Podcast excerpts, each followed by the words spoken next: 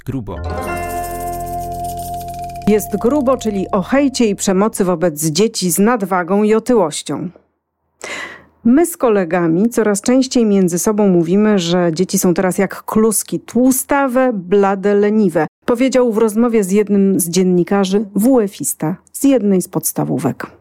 Artykuł opublikowała kilka dni temu jedna z ogólnopolskich gazet, a portale chętnie go podchwytują i udostępniają dalej właśnie ten tytuł taki chwytliwy. Dzieci jak kluski tłustawe, blade, leniwe. A nas zainteresował ten artykuł z dwóch powodów. Po pierwsze, dlatego, że rzeczywiście mówi o dużym problemie, problemie otyłości, choroby otyłościowej u dzieci i że ten problem ciągle narasta, ale również zwrócił naszą uwagę sposób, w jaki te dzieci zostały określone, taki mocno oceniający i naszym zdaniem hejtujący. No, zdecydowanie deprecjonujące. To zdradzamy już głos naszego gościa. Ja się nazywam Małgorzata Wiśniewska, jestem dziennikarką medyczną. A ja się nazywam Magdalena Gajda, jestem społeczną rzeczniczką praw osób chorych na otyłość. I nasz gość Dominika Słomińska, psycholog dziecięcy i terapeuta rodzinny. Jak jest z tą agresją? Jak jest z tym e, hejtowaniem i takimi zachowaniami oceniająco wartościującymi wobec dzieci z chorobą otyłościową? Czy ja mam poczucie, że dzieci z chorobą otyłościową i dzieci z wszelkimi rodzajami dysfunkcjami niestety dotyka hejt, ale jest to wina chyba tego, że my mamy y, większe przyzwolenie na hejt, y, bo świat jest w tej chwili oparty na ocenie. Y, ja walczę z rodzicami, którzy trafiają do mojego gabinetu i którzy wymagają od dzieci, żeby miały piątki od góry do dołu, żeby wyglądały idealnie, żeby były piękne, żeby były mądre, żeby realizowały swoje talenty. I takie ciśnienie y, na dzieciach rodzi w nich ogromną frustrację, y, a wentylem do tej frustracji bardzo często jest właśnie agresja w stosunku do słabszych. A ja pomyślałam, że powiesz, a wentylem też bardzo często jest jedzenie. Jedzenie też to jest e, bardzo łatwy sposób na redukcję napięcia, bo jak jemy coś pysznego i, i yy, ciepło nam się robi w brzuszku, to jest nam lżej na świecie. Poza tym my mamy też takie uwarunkowanie. My z Magdą przegadałyśmy wiele godzin na temat otyłości i w trakcie naszych rozmów stworzyłyśmy takie ładne, okrągłe zdanie, które e, odzwierciedla rzeczywistość, że w naszej kulturze miłość i troskę pokazujemy przez stół. I dzieci doświadczają właśnie tej miłości i troski okazywanej w ten sposób od wczesnego dzieciństwa. Czyli babcie gotują pyszne obiady, mamy gotują e, pyszne kolacje na powrót z kolonii, na powrót z wycieczek szkolnych. E, I dziecko uczy się, że tam, gdzie jest dobrze, spokojnie, bezpiecznie, tam jest dobre jedzenie. I później e, mm, w dorosłym życiu, ale również w życiu nastoletnim i w sytuacjach stresowych tworzy nam się taki zasób, że uciekniemy sobie do jedzenia, bo kiedy było nam bezpiecznie, to jedliśmy dobre kotlety babci. A gdybyśmy się pokusili o to, żeby opisać, jakich form przemocy doświadczają dzieciaki z nadwagą i chore na otyłość? Mhm. To jest tak, że ja bym ym, zatrzymała się nad tą przemocą, ale też bym zróżnicowała podejście do dzieci chorych na otyłość, bo czasami to jest tak, i obydwie formy są w jakimś stopniu przemocowe. Czasami to jest tak, że ta przemoc jest taka bardzo otwarta, czyli yy, dziecko jest poddawane ostracyzmowi, jest wyautowane z grupy, jest niezapraszane do zabawy, jest wyzywane, słyszy, że ma tłuste łapy, że porusza się, że jest klopsem, że, że jest grubasem, że y, porusza się jak kombajn, że jest tłustą, leniwą, bladą kluską ale też jest inny sposób traktowania dzieci chorych na otyłość, czyli taki słodki, yy, uroczy, prosiaczek, infantylny, taki, yy, no taki uroczy. I te dzieci bardzo często, dzieci, które są poddawane tego typu y, przemocy, one się adaptują do tej sytuacji. To znaczy, nagle y, przystosowują się do takiej roli słodkiego, uraczego grubaska i żeby to przeżyć, myślą sobie, no jestem lubiany. Lubią mnie, bo tak mnie słodko traktują. Ale tak naprawdę jest to forma przemocy, a z ich strony jest to forma przystosowawcza, która w dorosłym życiu na pewno zbierze swoje żniwo. Jakie? Y, depresja, niska samoocena oraz niestety ten nawyk, który w nas się kształtuje, zajadania tego stresu i ta otyłość będzie coraz większa. Wracając do tego pierwszego cytatu, od którego zaczęłyśmy, te dzieci jak kluski, tak? Mhm. Tłuste, blade i leniwe. E, jak ty traktujesz taki tytuł albo takie określenie w No jest bardzo pejoratywne, medium, bardzo, medium. Bardzo e, pejoratywne, bardzo krzywdzące i myślę, że ono w swojej treści nie dotyka tylko dzieci otyłych, ale wszystkie dzieci, które y, przez dorosłych w, w, tej wypowiedzi są spostrzegane bardzo źle. No oczywiście tłusta kluska przywodzi na myśl osobę otyłą, natomiast no, należy grzmieć na tego typu oceny, ponieważ one dają przyzwolenie na hejt również wśród dzieci, a źródłem są dorośli. No dobrze, ale być może tu autor chciał zwrócić uwagę na problem, chciał poruszyć, właśnie wywołać dyskusję, chciał poruszyć wyobraźnią odbiorców. No, zadziałał trochę metaforą. Obrazowo, tak? Sformułowanie jest bardzo nietrafne i bardzo agresywne i to w ogóle nie ulega wątpliwości. Nie powinny się pojawiać tak. nie powinno się tytuły. pojawiać tego typu tytuły, bo one są krzywdzące dla dzieci i no, dziecko, które to słyszy, może się poczuć w taki sposób zdefiniowane, a z tego nic dobrego nie wyniknie a potem następni powtarzają te metafory i te określenia już. I utrwalają stereotypy, z którymi walczymy od ładnych kilkudziesięciu lat, od kiedy otyłość została uznana za chorobę. Taka jest prawda.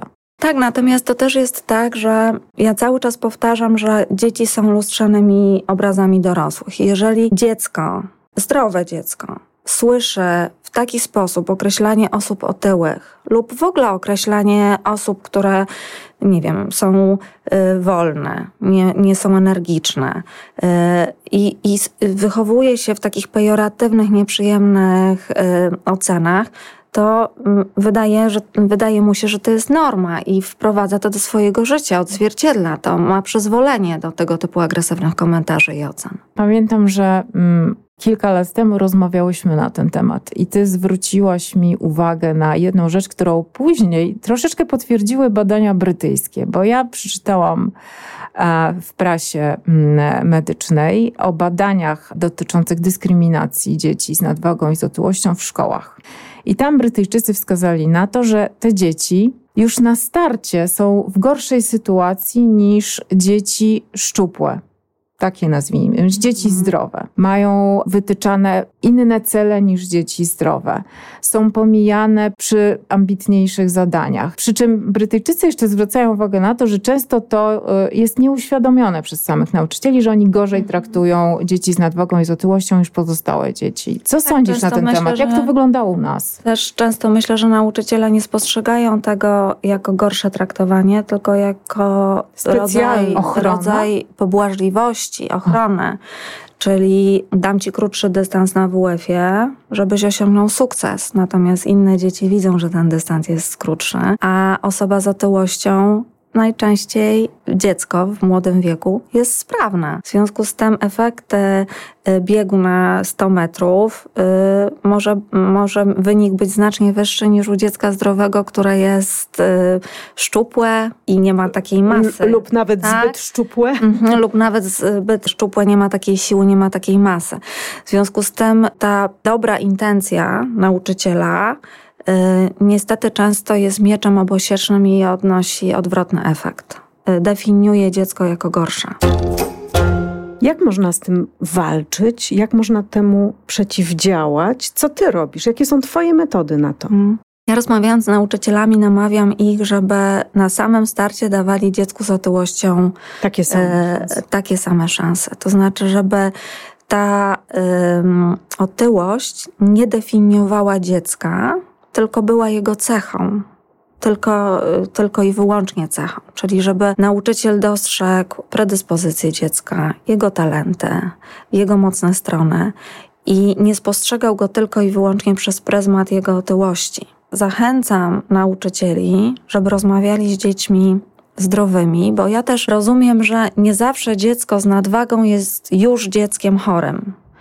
Y, może mieć predyspozycję do tego, żeby zachorować na otyłość, ale może mieć również nadwagę, która wynika, nie wiem, y, z błędów dietetycznych, bo dziecko się urodziło z niską masą urodzeniową i rodzice je odkarmili. Y, ma złe nawyki żywieniowe, więc ja na, zachęcam nauczycieli, żeby wprowadzali w swoich klasach zdrowe nawyki i żeby one nie dotyczyły tylko dzieci z otyłością, ale żeby dotyczyły również dzieci zdrowych i żeby ten zdrowy nawyk siłą rzeczy wprowadzał dobre nawyki odżywiania i funkcjonowania u wszystkich dzieci, natomiast przy okazji skorzysta na tym dziecko, które ma złe nawyki yy, żywieniowe, które jest źle prowadzone przez swoich rodziców. To też daje taką siłę w grupie, to znaczy oni mają jakiś jeden cel, czyli na drugie śniadania Tutaj mówię szczególnie o, o tym starcie y, nauki 1-3, kiedy jeszcze nie wykształcają się te mechanizmy, bo małe dzieci, one biorą wszystko takie, jakie jest, one nie oceniają. Czyli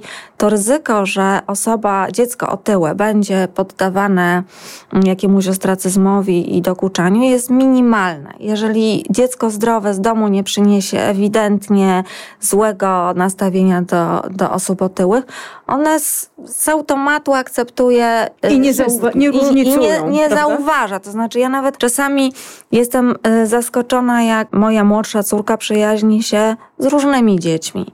I ja czasami spostrzegam, że obcowanie z tym dzieckiem może być trudne, bo ona na przykład nieprzyjemnie pachnie albo yy, dziwnie wygląda, jąka się. Natomiast moja córka w ogóle nie zwraca na to uwagi. On, ona jest w ogóle zachwycona z towarzystwa, fajnie się spędza czas, jest cudownie. Ona nie przepuszcza przez ten dorosły filtr oceny. I tutaj jest rola nauczyciela, żeby właśnie w tym nauczaniu zintegrowanym, czyli w klasach 0, 3, dać dzieciom poczucie stworzenia społeczności i takiego poczucia gramy w jednej drużynie. Pokazujemy sobie szacunek i dbamy o siebie nawzajem. I na kanwie tego, że rówieśnik nie zauważy, że jego koleżanka lub kolega jest otyły, być może jest mniej sprawny, być może nie osiągnie takich efektów sportowych, ale na przykład fantastycznie rysuje to to niweluje później y, predyspozycję do tego, żeby to dziecko w starszych klasach było odrzucane i było źle traktowane. Dlatego taki projekt, wracam do początku mojej wypowiedzi,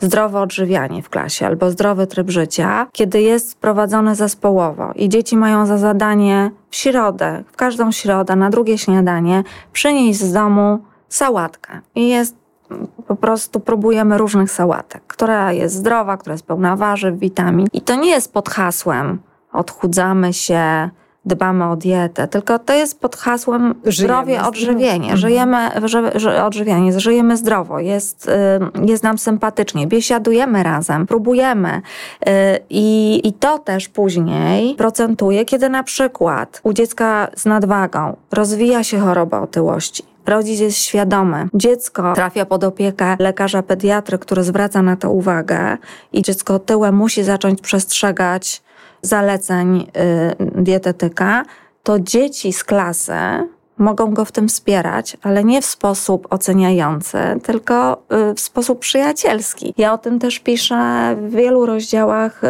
w mojej książce dla dzieci Kostka i Bruno y, Szkoła, Szkolne Przygody, gdzie nawet ciocia Magda, prezes fundacji, występuje. Magda występuje. występuje. I muszę wam powiedzieć, że to jest jedna z pierwszych pozycji w ogóle na polskim rynku wydawniczym, w której znalazły się bajki wychowajki. Bajki nie. wychowajki to jest pierwsza część. Druga Druga część, część, ale bohaterowie są ci sami. Druga część e, szkoła, szkoła szkolne przygody. I tam właśnie w, w klasie pierwszej jest chłopiec, który jest otyły i na początku mierzy się z odrzucaniem, z dokuczaniem, natomiast jest grupa dzieci, które dają mu ogromne wsparcie. No i przychodzi ciocia Magda z mądrościami do klasy i opowiada i robi warsztaty. I teraz dochodzimy do warsztatów. Ja też zachęcam nauczycieli, żeby uczyli dzieci współodczuwania. Ponieważ to jest tak, że dziecko, które nie zdaje sobie sprawy, co to jest otyłość, z czym mierzy się osoba y, z nadwagą, jest mu łatwiej dokuczać i wytykać te inności. Natomiast dziecko, które zrozumie, które poczuje, jest mu łatwiej zaakceptować, zrozumieć, towarzyszyć i nie wytykać, bo nie spostrzega tego jako inność, którą należy y, deprecjonować, tylko jako inność, która jest towarzyszem życia. I y, dlatego ja zachęcam nauczycieli, żeby robili warsztaty na y, WF-ie i żeby każde dziecko z klasy przyniosło poduszkę, y, przyniosło kilka worków mąki i kaszy i obwiesiło się tym ciężarem. I żeby się poczuło jak żeby dziecko. się poczuło jak dziecko, które ma nadwagę i wykonało podczas zajęć WF-u szereg ćwiczeń. I żeby zobaczyli, Ciekawe. jak to Bardzo działa. ciekawe. Jak to działa. I te dzieci na poziomie empatii, współodczuwania nagle to widzą. I nagle zaczynają spostrzegać swojego kolegę czy koleżankę z otyłością wręcz jako bohatera, który pokonuje swoje słabości i osiąga takie fantastyczne wyniki. Ja jestem psychologiem, który uważa, że na każdy problem trzeba spojrzeć holistycznie, czyli problem nie jest tylko w dzieciach, które dokuczają. Problem jest również w dziecku, które jest ofiarą i które nie ma wykształconych mechanizmów obronnych, które nie wie, jak się bronić, które często wchodzi w tą rolę ofiary, które się poddaje, które nie potrafi powiedzieć: Stop, nie odpowiada mi to. Jak pomagasz takiemu dziecku? Yy, No, no właśnie holistycznie, czyli proszę rodziców o zmianę postawy. Uczę dziecka mechanizmów obronnych. Pokazuję mu, w jaki sposób może asertywnie zachować się względem rówieśników, którzy mu dokuczają. Yy, Uczę go nie reagować na zaczepki, ponieważ wiadomo, że dzieci, które dokuczają, to są też dzieci, które przez dokuczanie kompensują sobie jakieś swoje deficyty, które same mają niską samoocenę, które są źle traktowane przez rodziców, które y, mają na przykład złe stopnie, y, które są nielubiane w jakichś środowiskach. W związku z tym najłatwiejszą drogą zbudować sobie siłę na słabszym. Y, I jeżeli one odnoszą sukces, czyli dziecko otyłe, które, któremu dokuczają, pokazuje, że je to rani, pokazuje, że jest Że słabe, płacze. że płacze, że to działa, to dziecko, które dokucza, osiąga swój cel. Czuje się silne i sprawcze. I taki prosty zabieg, jeżeli powiemy dziecku z otyłością, słuchaj, powiedz, widzę, że mi, że mi dokuczasz, ale mm, ja nie będę y, y, tak z tobą rozmawiał. Nie, ja nie jestem tym zainteresowana. I odwróci się i odejdzie, to dziecko, które dokucza, nie osiąga swojego celu. Nie jest w stanie zbudować swojej siły. W związku z tym rezygnuje z tego dokuczenia, bo widzi, że to nie działa. Natomiast oczywiście dziecku, które jest uczone takich mechanizmów, y, musimy dać też taką przestrzeń, żeby się odgadało. I od tego są wizyty z psychologiem, kiedy ono może przyjść i szczerze się popłakać i powiedzieć, jak jest mu bardzo źle i bardzo trudno w tym środowisku. Jak nie znajduje y, swojej przestrzeni wśród rówieśników. No i tutaj jest w ramach tego holistycznego działania wycieczka do rodziców, do których jest prośba, żeby stworzyć dziecku takie, taką przestrzeń, w którym ono się dobrze poczuje towarzysko, czyli żeby wybrać wybrane przez, y, przez dziecko rówieśnika w klasie i zaprosić je do domu. I zadbać o to, żeby scenariusz tej wizyty był bardzo atrakcyjny dla dziecka odwiedzającego. Idę do nauczycieli i proponuję warsztaty y, interwencyjne, w których dzieci, które dokuczają, zrozumieją, że tam jest drugie dno,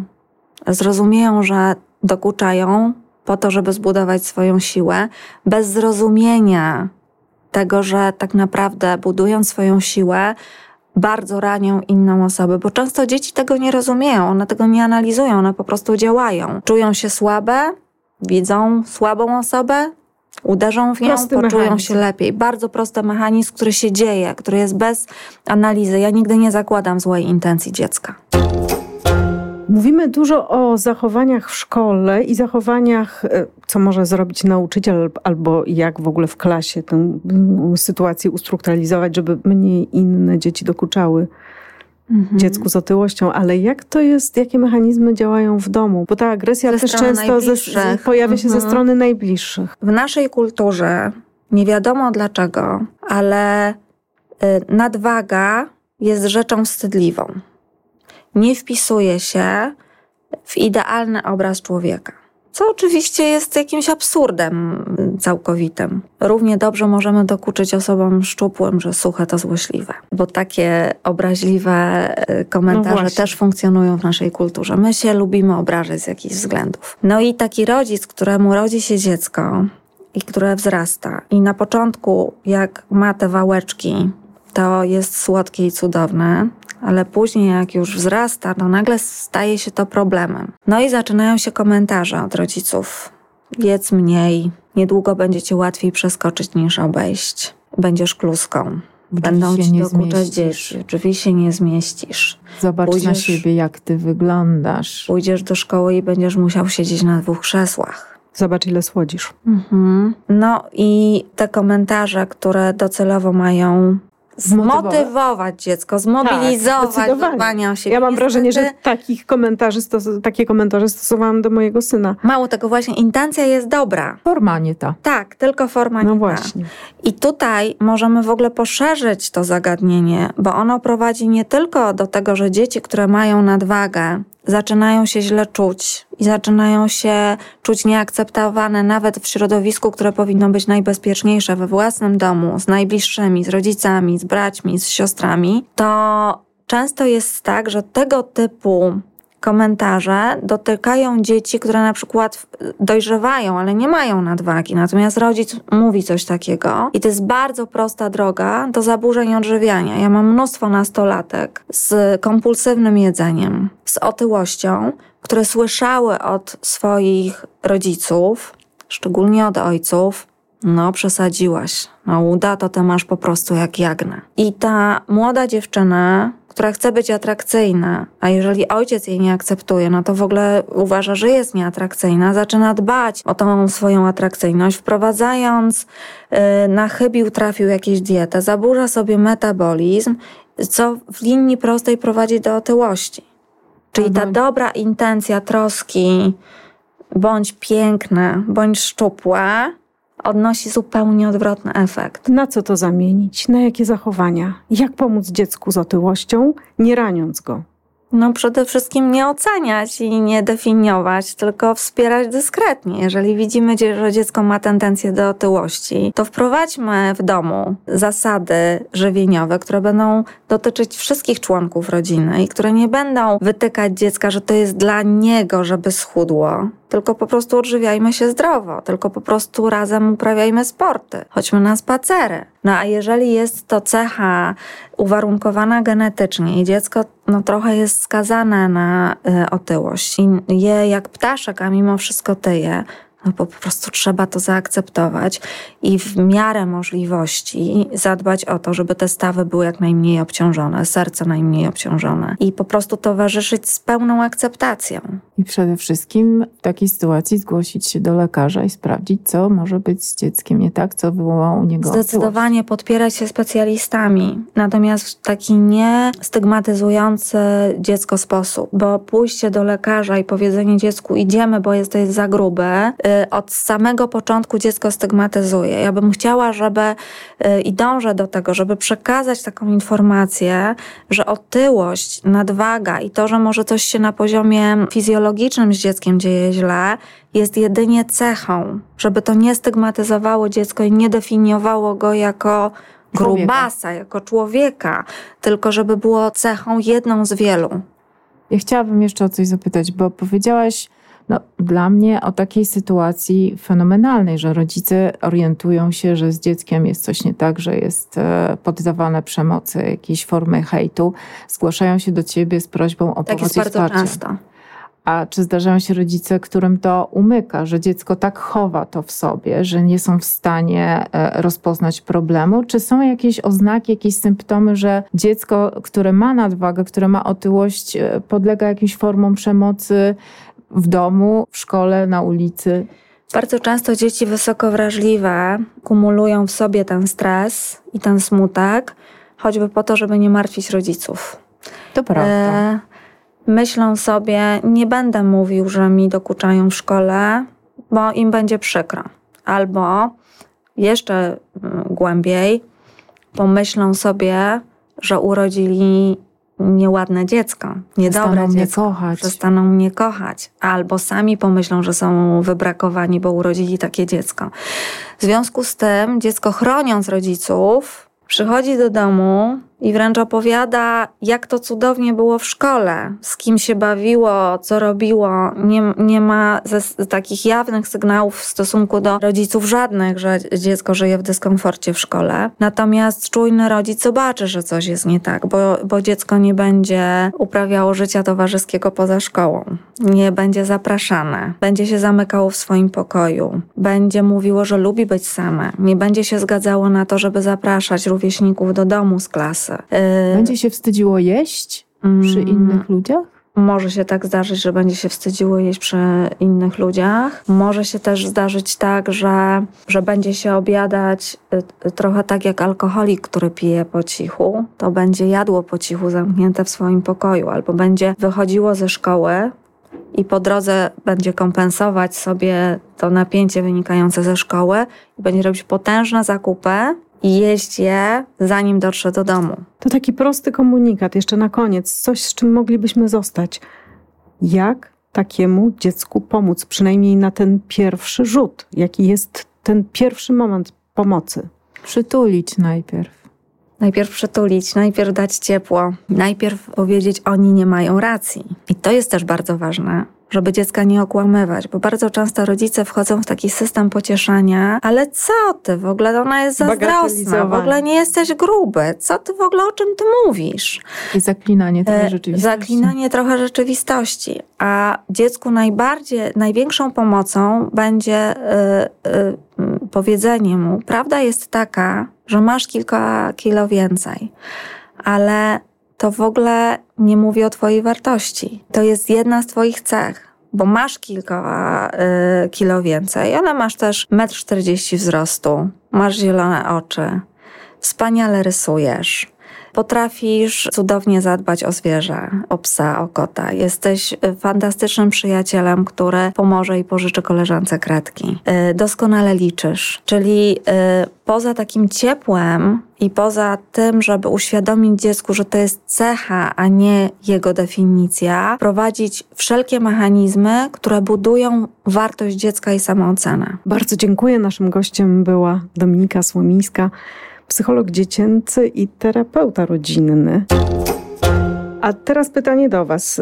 Co Wy uważacie na temat hejtu wobec dzieci z otyłością? Czy macie na to jakieś przykłady? Zapraszamy razem z Małgosią do skomentowania tej sprawy w komentarzach pod podcastem albo na naszym fanpage Jest Grubo na Facebooku. Ja się nazywam Małgorzata Wiśniewska. Ja się nazywam Magdalena Gajda. I to był nasz podcast Jest Grubo, czyli rozmowy o życiu osób z większą masą ciała. Premierowych rozmów jest grubo, słuchajcie, zawsze w środę po godzinie 20. Kanał jest grubo znajdziecie na YouTube, Apple Podcast, Spotify, a także na antenie Radia Płock FM. Serdecznie zapraszamy.